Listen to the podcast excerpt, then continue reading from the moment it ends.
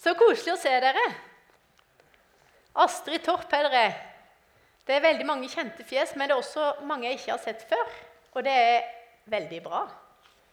Det betyr kanskje at det er en stund siden jeg har vært her, men det betyr også at eh, det kommer stadig nye folk. Og det er kjempefint. Det er godt. Jeg, jeg kommer som sagt eh, fra Lillesand. Eller egentlig fra Arendal, men akkurat i dag så kommer jeg fra Lillesand. Eh, og vi har fem barn i alderen 10-20 år. Og så har vi et fosterbarn som også er imellom der. Eh, ja. Jeg vet ikke om jeg skal si mer om meg sjøl. Hvis det er noen som lurer på det, så kan de jo spørre etterpå. Eh, jeg har vært eh, ansatt her hos dere som prosjektleder for menighetsplantingen i Lillesand. Så da var jeg en del av staben her, og det var veldig fint. Og nå har jeg blitt spurt om å tale om gode vaner hos dere. I løpet av det siste halvannet år så er det mange av oss som har endra vaner og livsmønster pga. at omstendighetene er endra. Og til tross for det så holder vi fortsatt fast ved tannpussen. Den, den, den er liksom der uansett. Hva er det som gjør at det er noe som ikke blir påvirka av omstendighetene? Det handler om vaner som er automatiserte bevegelser og handlinger som hjernen gjør nesten av seg sjøl. Pusse tennene, spise frokost ikke for alle. Og så vaske hendene. Det er veldig vane nå. Eh, antibac er veldig vane for noen. Eh, gode vaner det hjelper oss i livet. Og gode vaner de bygges opp over tid ved å gjøre det samme igjen og igjen. Det går ikke fort, og vi kan ikke kjøpe det, så det er litt sånn slitsomt. Og Vårt åndelige liv har fått seg en påkjenning når vi ikke kunne møtes til gudstjeneste og cellegrupper eller få utført tjenesten vår. Noen syns kanskje det har vært litt godt å ha litt tid for seg sjøl. Det er nesten så ikke man tør å si det. Men de som er introvert, kanskje de har kjent at eh, åh, det var godt for det åndelige livet å kunne få sitte hjemme og få tid til å be. Eh, og så er det også en fare der at det kanskje er litt for godt å sitte der alene. Så det er viktig å komme seg tilbake når fellesskapet starter opp igjen. Hva kan gode vaner gjøre for å hjelpe oss i relasjonen til Jesus? Hvilke gode åndelige vaner kan vi bygge, sånn at vi står rusta når alt raser rundt oss? Dette er spørsmål som vi skal stille de neste ukene her fra plattformen. Eh, og vi tror at noen gode vaner eh, som vi kan holde fast ved og bygge, det er Bibel, bønn, stillhet, fellesskap og tjeneste. Og disse vil vi løfte fram og øve oss i og bygge i livene våre de neste ukene. Og I dag skal jeg få snakke om vane nummer én. Det er Bibelen. Noen ganger når jeg har fått på plass en skikkelig bra rutine på å lese i Bibelen, så gleder jeg meg til å lese i Bibelen. Jeg tenker, wow, å, det blir så bra! Å, det lukter godt med Bibelen! Og jeg bare gleder meg til å sette meg ned. Og jeg står opp kanskje før jeg må, bare fordi da er det stille i huset. Og så tenker jeg åh, jeg skjønner ikke hvordan det kan ha vært vanskelig å lese i Bibelen. Åh, Det er jo så viktig og så bra. Og Guds ord møter meg akkurat der jeg er i livet mitt. Og bare det å kunne bryne seg på Guds ord og la det justere kursen for livet. Og så er det litt sånn Selv om jeg har kommet på plass med en skikkelig bra bibelrutine, så detter det ut. Og Noen ganger vet jeg ikke hva som skjedde, men plutselig så bare Oi, hvor ble det av det? Det er veldig rart. Det skjer ikke med tannpussen. Det skjer kanskje med treninga.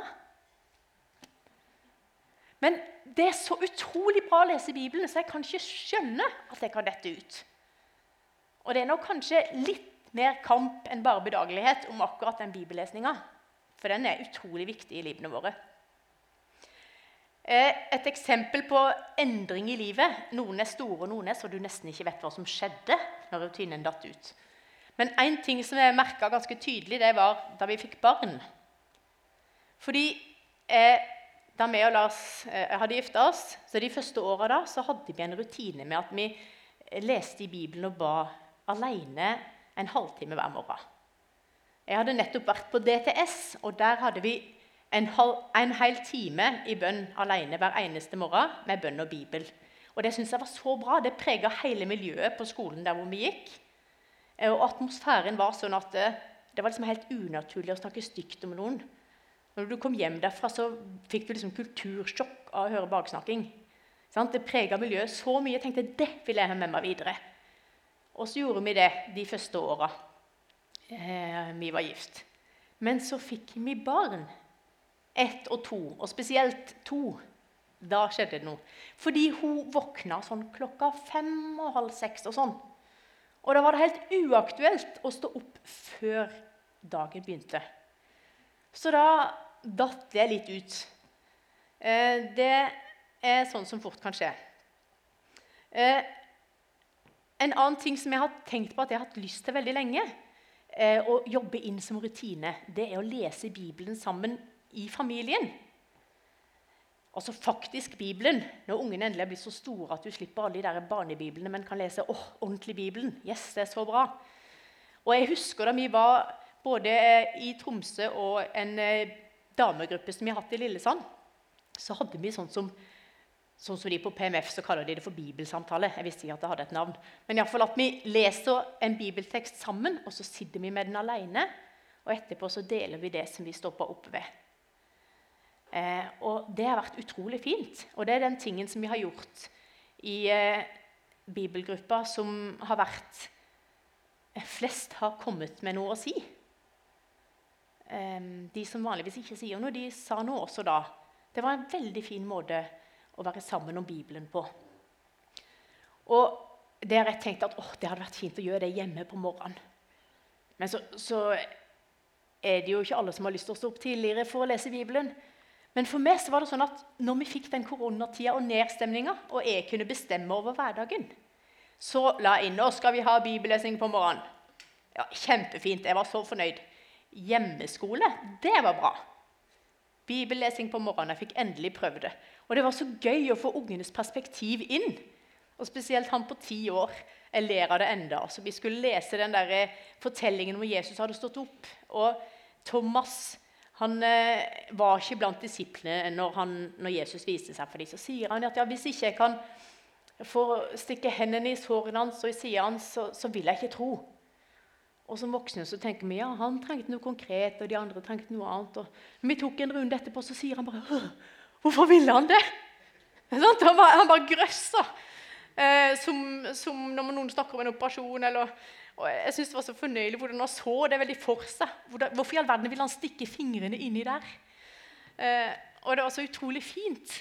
Eh, og så holdt vi på med det sånn to dager i uka i løpet av det året som gikk. Men så er det nå, nå etter sommeren nå, så her er enda, jeg holder fortsatt på å ta sats for å innføre det igjen. Det er litt skumlere når man har ungdommer i huset. Det har kanskje merket. Nå skal alle stå opp tidligere og lese Bibelen. Ja, Men det syns jeg var veldig fint. Men nå har jeg enda ikke kommet i gang fra etter sommeren med det. Da, så det blir spennende å se, men det kommer. Um, men det er ikke alltid så store ting som skal til for å velte den rutinen. Så det kan skje ganske snikete òg. Det trenger ikke være fordi man fikk en veldig morgenfugl av en baby. Jesus han fortalte en lignelse om såkornet. Eh, og den står i, eh, for så vidt i flere evangelier. Jeg skal ikke lese hele den nå, men det står i Lukas 8. Såkone, såkornet som vokser opp og bærer frukt. Og såkornet det var ifølge Jesu ord. Kornet det var så ivrig og kraftig at det spirer nesten uansett hvilken jordsmonn det faller i. For kraften ligger ikke i jordsmonnet, men den ligger i kornet sjøl. Og den frigjøres når den får vann og varme ovenifra. Men dybden i jordsmonnet og plassen og tiden som vi gir det, det kan vi gjøre noe med. Det står men det i den gode jorden, det er de som hører ordet, tar vare på det i et fint og godt hjerte, så de er utholdende og bærer frukt. Men det er en faktor som er mye mer grunnleggende enn disse. Og det er å få kornet ned i jorda. For at det skal vokse, så må det først ned i jorda. Guds ord må inn i det på et eller annet vis. Gjennom ørene eller øynene.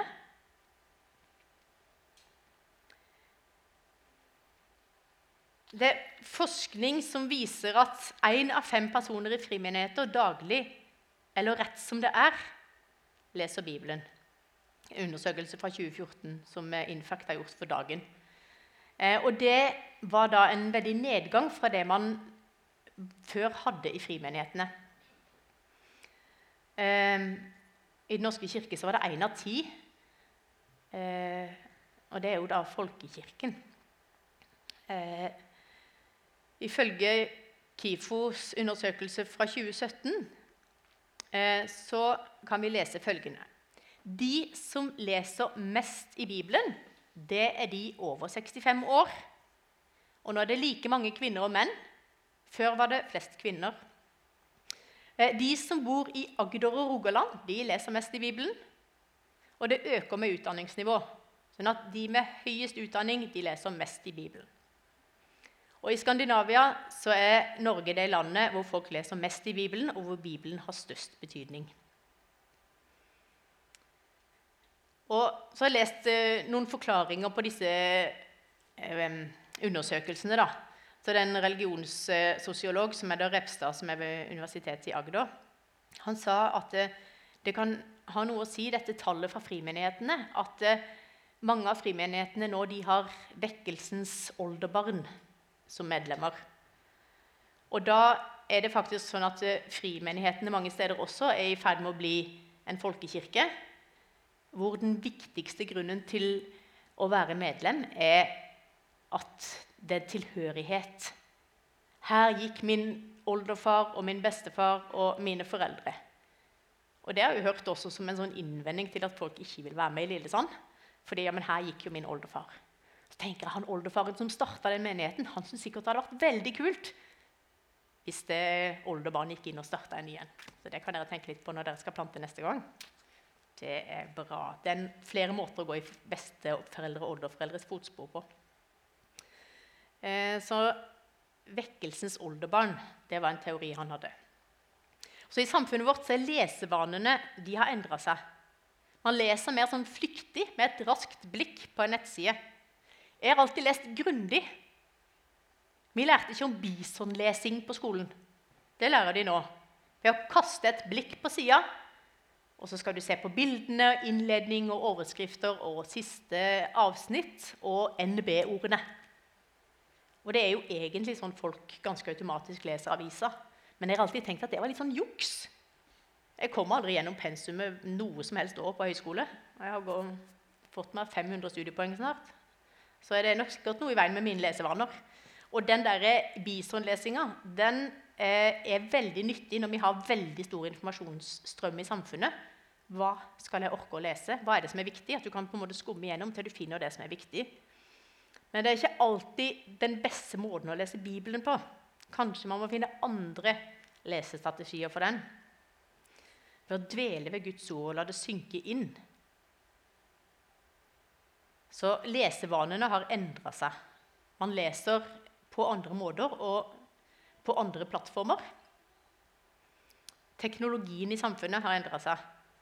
Vi har ikke bare slutta å bruke bokruller, men vi har egentlig slutta å bruke bøker også, mange av oss. Alt er på skjerm.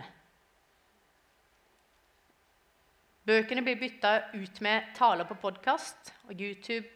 Og man bruker mye sanger og illustrerende bibelvers, eller illustrerte bibelvers på Instagram og Facebook. så er det som posta et bibelvers.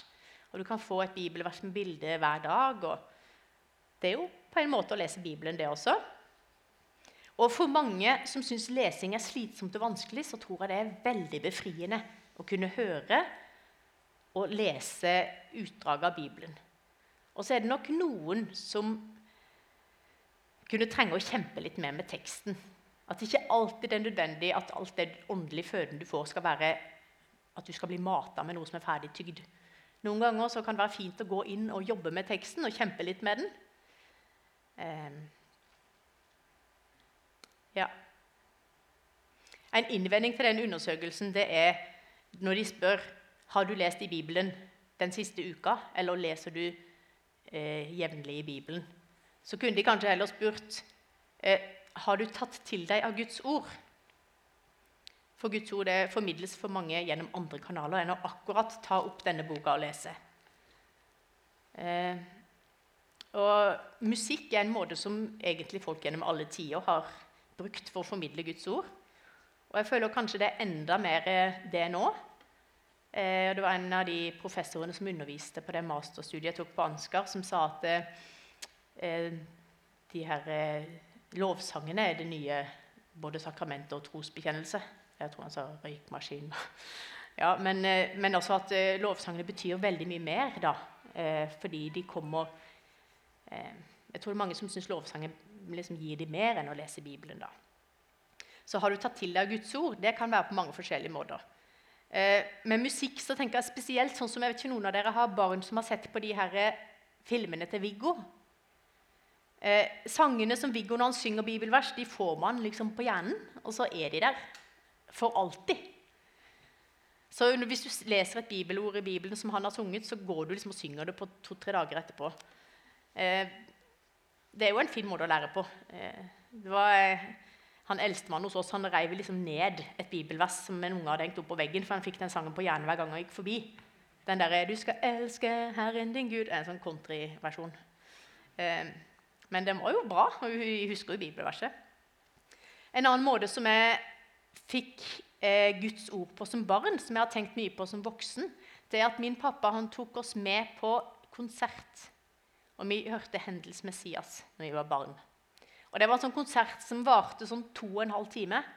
Og det føltes som evig lenge for oss som var barn, å sitte stille. Men vi satt jo selvfølgelig stille. Men da hadde vi det her programmet foran oss. Og i det programmet så sto bibelversene oversatt. For Hendels Messias er liksom fortellingen om frelseshistorien hvor de har tatt bibelvers helt fra begynnelsen til slutt og til når Jesus kommer igjen. Og Da leste jeg det programmet om og om igjen mens den konserten var. Og når han da lå på sofaen og slappa av litt av og til Det skjedde av og til. Vi var eh, syv søsken hjemme, så han brukte mest tid på jobbing. Men da hadde han ofte på den. Eh, og for mange så hører de bare noen som synger AOA, og ikke hva de synger.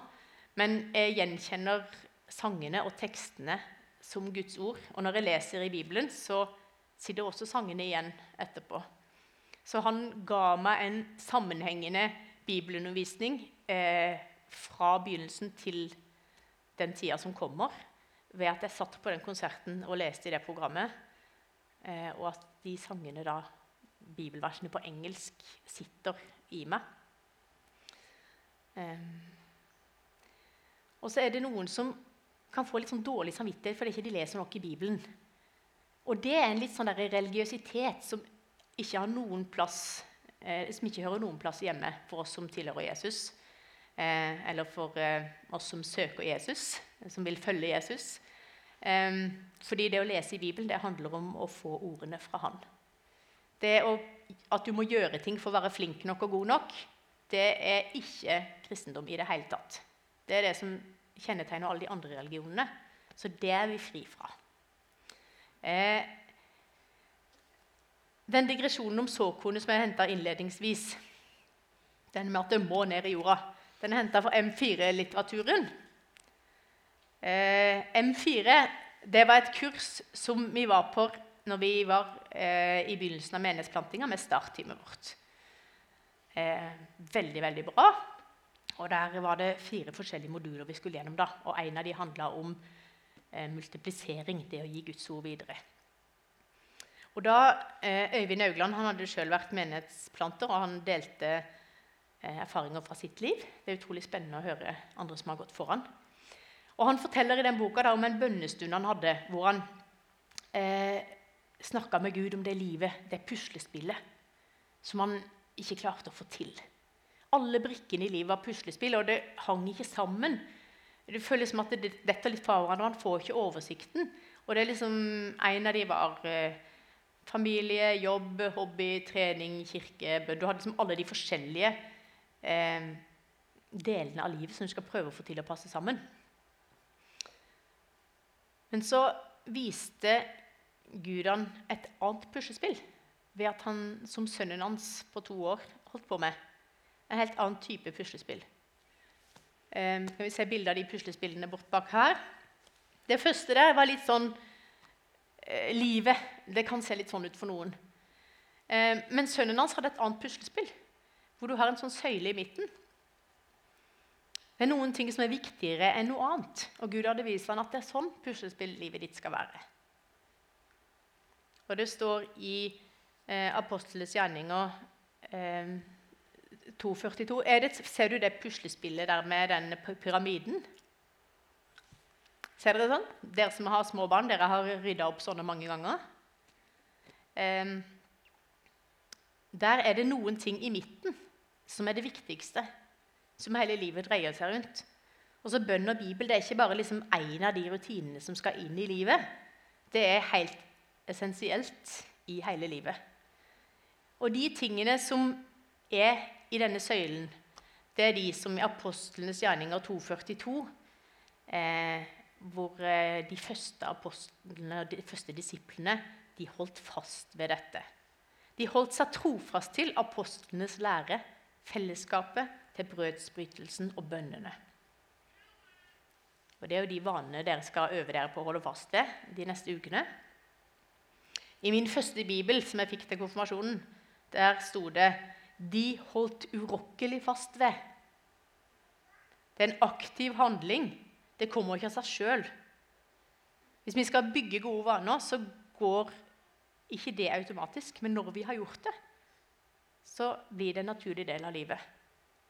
Litt som å pusse tennene. Og En annen ting som, som jeg så i den boka som jeg syntes var veldig fint, da, det var eh, når de snakka om det å lese Bibelen. Hva innebærer egentlig det? Fordi eh, Du skal holde fast ved apostlenes lære. Den er jo for oss samla i Det nye testamentet. Eh, men det handler ikke nødvendigvis om at du skal sitte alene og lese Bibelen. Det står at vi skal holde, ved, holde oss trofast til apostlenes lære. Og så er det vår oppgave å se hvordan det ser ut i vår tid. Vi har gitt slipp på bokrullene allerede. Og noen har eh, gitt slipp på boka og begynt å bli litt mer digitale. De første kristne de leste ikke Bibelen sånn som oss. De hadde den jo ikke. De samtalte om Skriften sammen, og de samla seg for å lese brevene til Paulus og de andre delene av Det nye testamentet som de hadde tilgang på. Det var ikke før eh, Gutenberg begynte å trykke bibler i 1455 at Bibelen kom i bok og ble tilgjengelig for flere og flere. Først var det bare de aller rikeste som kunne ha råd til en del av Bibelen. Skolen nå var det ofte som leste høyt. Så kunne man å lese at det skal gi veldig mening. Så, sånn har det egentlig alltid vært. Den samme den Bare har inspirert stå noe som står her. Eh, for jeg tror mange tenker at Bibelen er står her. Eh, for jeg tror mange tenker at Bibelen er kanskje mer vanskelig og uforståelig enn den er. Det er jo veldig mye som er vanskelig, men eh, du skal elske Gud av hele hjertet. Du skal ikke forstå Han av hele hjertet. Så er det viktig å si at det, det betyr jo selvsagt ikke at man skal la være å lese Bibelen alene. Det er et enormt privilegium å ha sin egen bibel. Vi har sin egen, egen bibel til alle i huset. Folk har gått i døden for å gi oss den. Og han som oversatte Bibelen til engelsk for at alle skulle få høre den, William Tyndale, han eh, ble drept og brent på bålet som straff og I Nord-Korea så risikerer du å settes i fangeleir hvis du bare har en bibel i huset ditt. For mange år siden så var jeg leder på en eh, konfirmantleir, nei, konfirmantundervisning i eh, Ytre Arna norske kirke i Bergen. Vi hadde ungdomsalfakurs om Bibelen. Og så var det ei jente der hun som var mest opptatt av å si at hun ikke trodde. Og eh, kanskje litt kverulant. Hun satt stille og hørte etter da når jeg sa at det var noen steder det ikke var lov å lese Bibelen. Så sa hun hvis jeg hadde bodd der, så hadde jeg lest i Bibelen hele tida. Den er det de prøver å skjule for meg.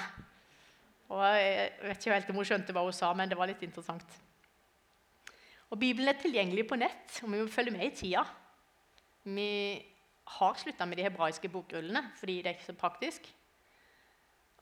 Når all annen info leses på nett, så er det vel naturlig at mange også leser Bibelen på nett. Men selv om vi skal følge med i tida, så vil jeg faktisk anbefale at man tar fram denne boka av og til. Um, en av grunnene til det er at eh, der er det ikke sånne veldig mange forstyrrende pling. Hvis du først tar opp mobilen og skal lese i Bibelen, så kan det hende du plutselig begynner å gjøre noe annet. fordi at du glemte hva du holdt på med. Eh, og Det går jo an å slå av varsler også, men det er et sånn forstyrrende element i de dingsene som har veldig mye eh, innkommende informasjon og mas. Også For dere som har barn, så er det utrolig viktig at, eh, at barna ser at dere sitter med Bibelen. For Hvis dere leser Bibelen på nettet, så ser de bare at dere er på mobilen. Eh, og det er utrolig viktig at uh, ungene ser at Bibelen er viktig hjemme hos oss. Eh, ja. Så er det ikke det at man leser flest mulig kapitler, som er det viktigste. For det er det å holde seg trofast til eh, Hans ord som er den vanen vi skal jobbe inn. Det å faktisk eh, gjøre det som står. Og jeg synes det var så herlig En av de nye kristne i Tromsø da vi jobba der, eh, han eh, fikk et eh, tilsendt en preken som han skulle høre på eh, av Lars. Han anbefalte en preken. Og det var en sånn en, som viste at eh, doktor, Et sitat av doktor Phil da, eh, som sier at ektepar som ber sammen da er det ikke én av to som går fra hverandre sånn som ellers i samfunnet. Og ikke én av ti, og ikke én av hundre, og ikke én av tusen, men én av ti tusen går fra, fra hverandre da, av ektepar som ber sammen. Og så sa han pastoren da et eller annet om at det, ja, det er greit at det er kleint, men her har du et ansvar. Og han som var helt ny kristen, han gikk jo og sa til kona si vi må be sammen. Han hadde vært kristen bare noen få måneder, og han syntes jo det var nest, fikk nesten panikk ved å være så nær noen og be sammen med noen. Han nesten hadde begynt å nettopp be selv. Så da gikk han til hun som hadde vært kristen hele livet, og som hadde våget å gifte seg med han, og si at vi må be sammen, for det er bra for ekteskapet vårt. Og så tenkte jeg åh, han tror at alle kristne gjør det når de hører en forkynnelse og de hører Guds ord, og de kjenner i hjertet at åh, Gud, her ser du meg, her vil du noe. Og så er det litt sånn som vi som sitter og hører Guds ord dag ut og dag inn, og vi leser i Bibelen ting vi har hørt før. Så hvis vi kjenner at Gud rører ved hjertet og minner oss på noe, at vi trenger en justering i livet, så er det mange som tenker åh, det var godt, jeg kjente Gud. Og så er det liksom nok, da. Gud så meg der jeg satt, han så hvor jeg var i livet mitt. Men så er det liksom ikke naturlig og nødvendigvis gå hjem og gjøre det som du hørte fra Guds ord eller det som du leste. Så jeg synes Det er viktig at man kan være litt sånn frisk og ny når man hører Guds ord. Og hvis det kaller til å justere, justere veien du er på i livet, om så er bare små ting, så er det utrolig viktig å bare gjøre det. Holde seg trofast til Guds ord. Så hvis du leser ett bibelvers gjennom en hel uke og lar det prege livet ditt, så er det mye viktigere enn å lese tre kapitler om dagen for å komme seg gjennom Bibelen på et år. Og så er det noen som sitter her og lurer på ja, men hva skjedde da når du fikk småunger. Hva skjedde med Bibelen da? For der stoppa jeg visst litt. Eh, og det som skjedde, da var at Vi underviste mye på samlivskurs eh, i Tromsø. Og Da lærte vi på den første kvelden at eh, man skal ha én kveld i uka hvor man skal bruke tid sammen. Sette av til å bruke tid sammen, og ikke bare møtes på vei ut og inn døra. Og da ble det sånn for meg når jeg skulle være sammen med Jesus de korte bønnene man har gjennom hele dagen, eh, de er jo der. Men det å sette seg ned sammen med Jesus og lese i Bibelen og være stille med ham, det fikk jeg plass til én gang i uka i to timer. For da tenkte jeg ja, hvis man kan gjøre det med ektefellen, så må man kunne gjøre det med Gud. da. Så der var jeg da når ungene var veldig små og man var trøtt hele tida. Eh, så må man finne en overkommelig plan hvis du skal jobbe inn en vane, så må du passe på at det blir en plan som det går an å gjennomføre. At ikke det bare blir selvfordømmelse. Eh, så utfordringen dere får av meg den uka som kommer, det er å lage en plan for bibellesing som er overkommelig. overkommelig for den livssituasjonen du er i akkurat nå. Så hvis du har unger som står opp klokka fem, så kanskje ikke du skal planlegge før familien våkner, men kanskje på et helt annet tidspunkt. Og så må man gjenta den for at det skal bli en vane og en rutine. Jeg skal avslutte med å lese fra Kolossene 3,16. La Kristi ord få rikelig rom hos dere. Undervis og rettled hverandre med all visdom. Syng salmer, viser og åndelige sanger til Gud av et takknemlig hjerte. Jesus, jeg ber deg om at du skal være med alle som har hørt dette nå. Jeg ber deg om at du skal vise hvor du vil møte folk i ditt ord. Eh, hvordan de kan ta til seg av ditt ord, og at du skal inspirere til å følge ditt ord til at det skal få betydning i livet. Jeg takker deg for at du er uendelig stor. Jeg takker deg for at du ønsker å møte oss i ditt ord. At vi kan glede oss til å åpne Bibelen. At du lar ditt ord møte oss akkurat der vi er i våre liv. Takk for at du alltid er nær. La ditt ord slå rot i livene våre og bære frukt.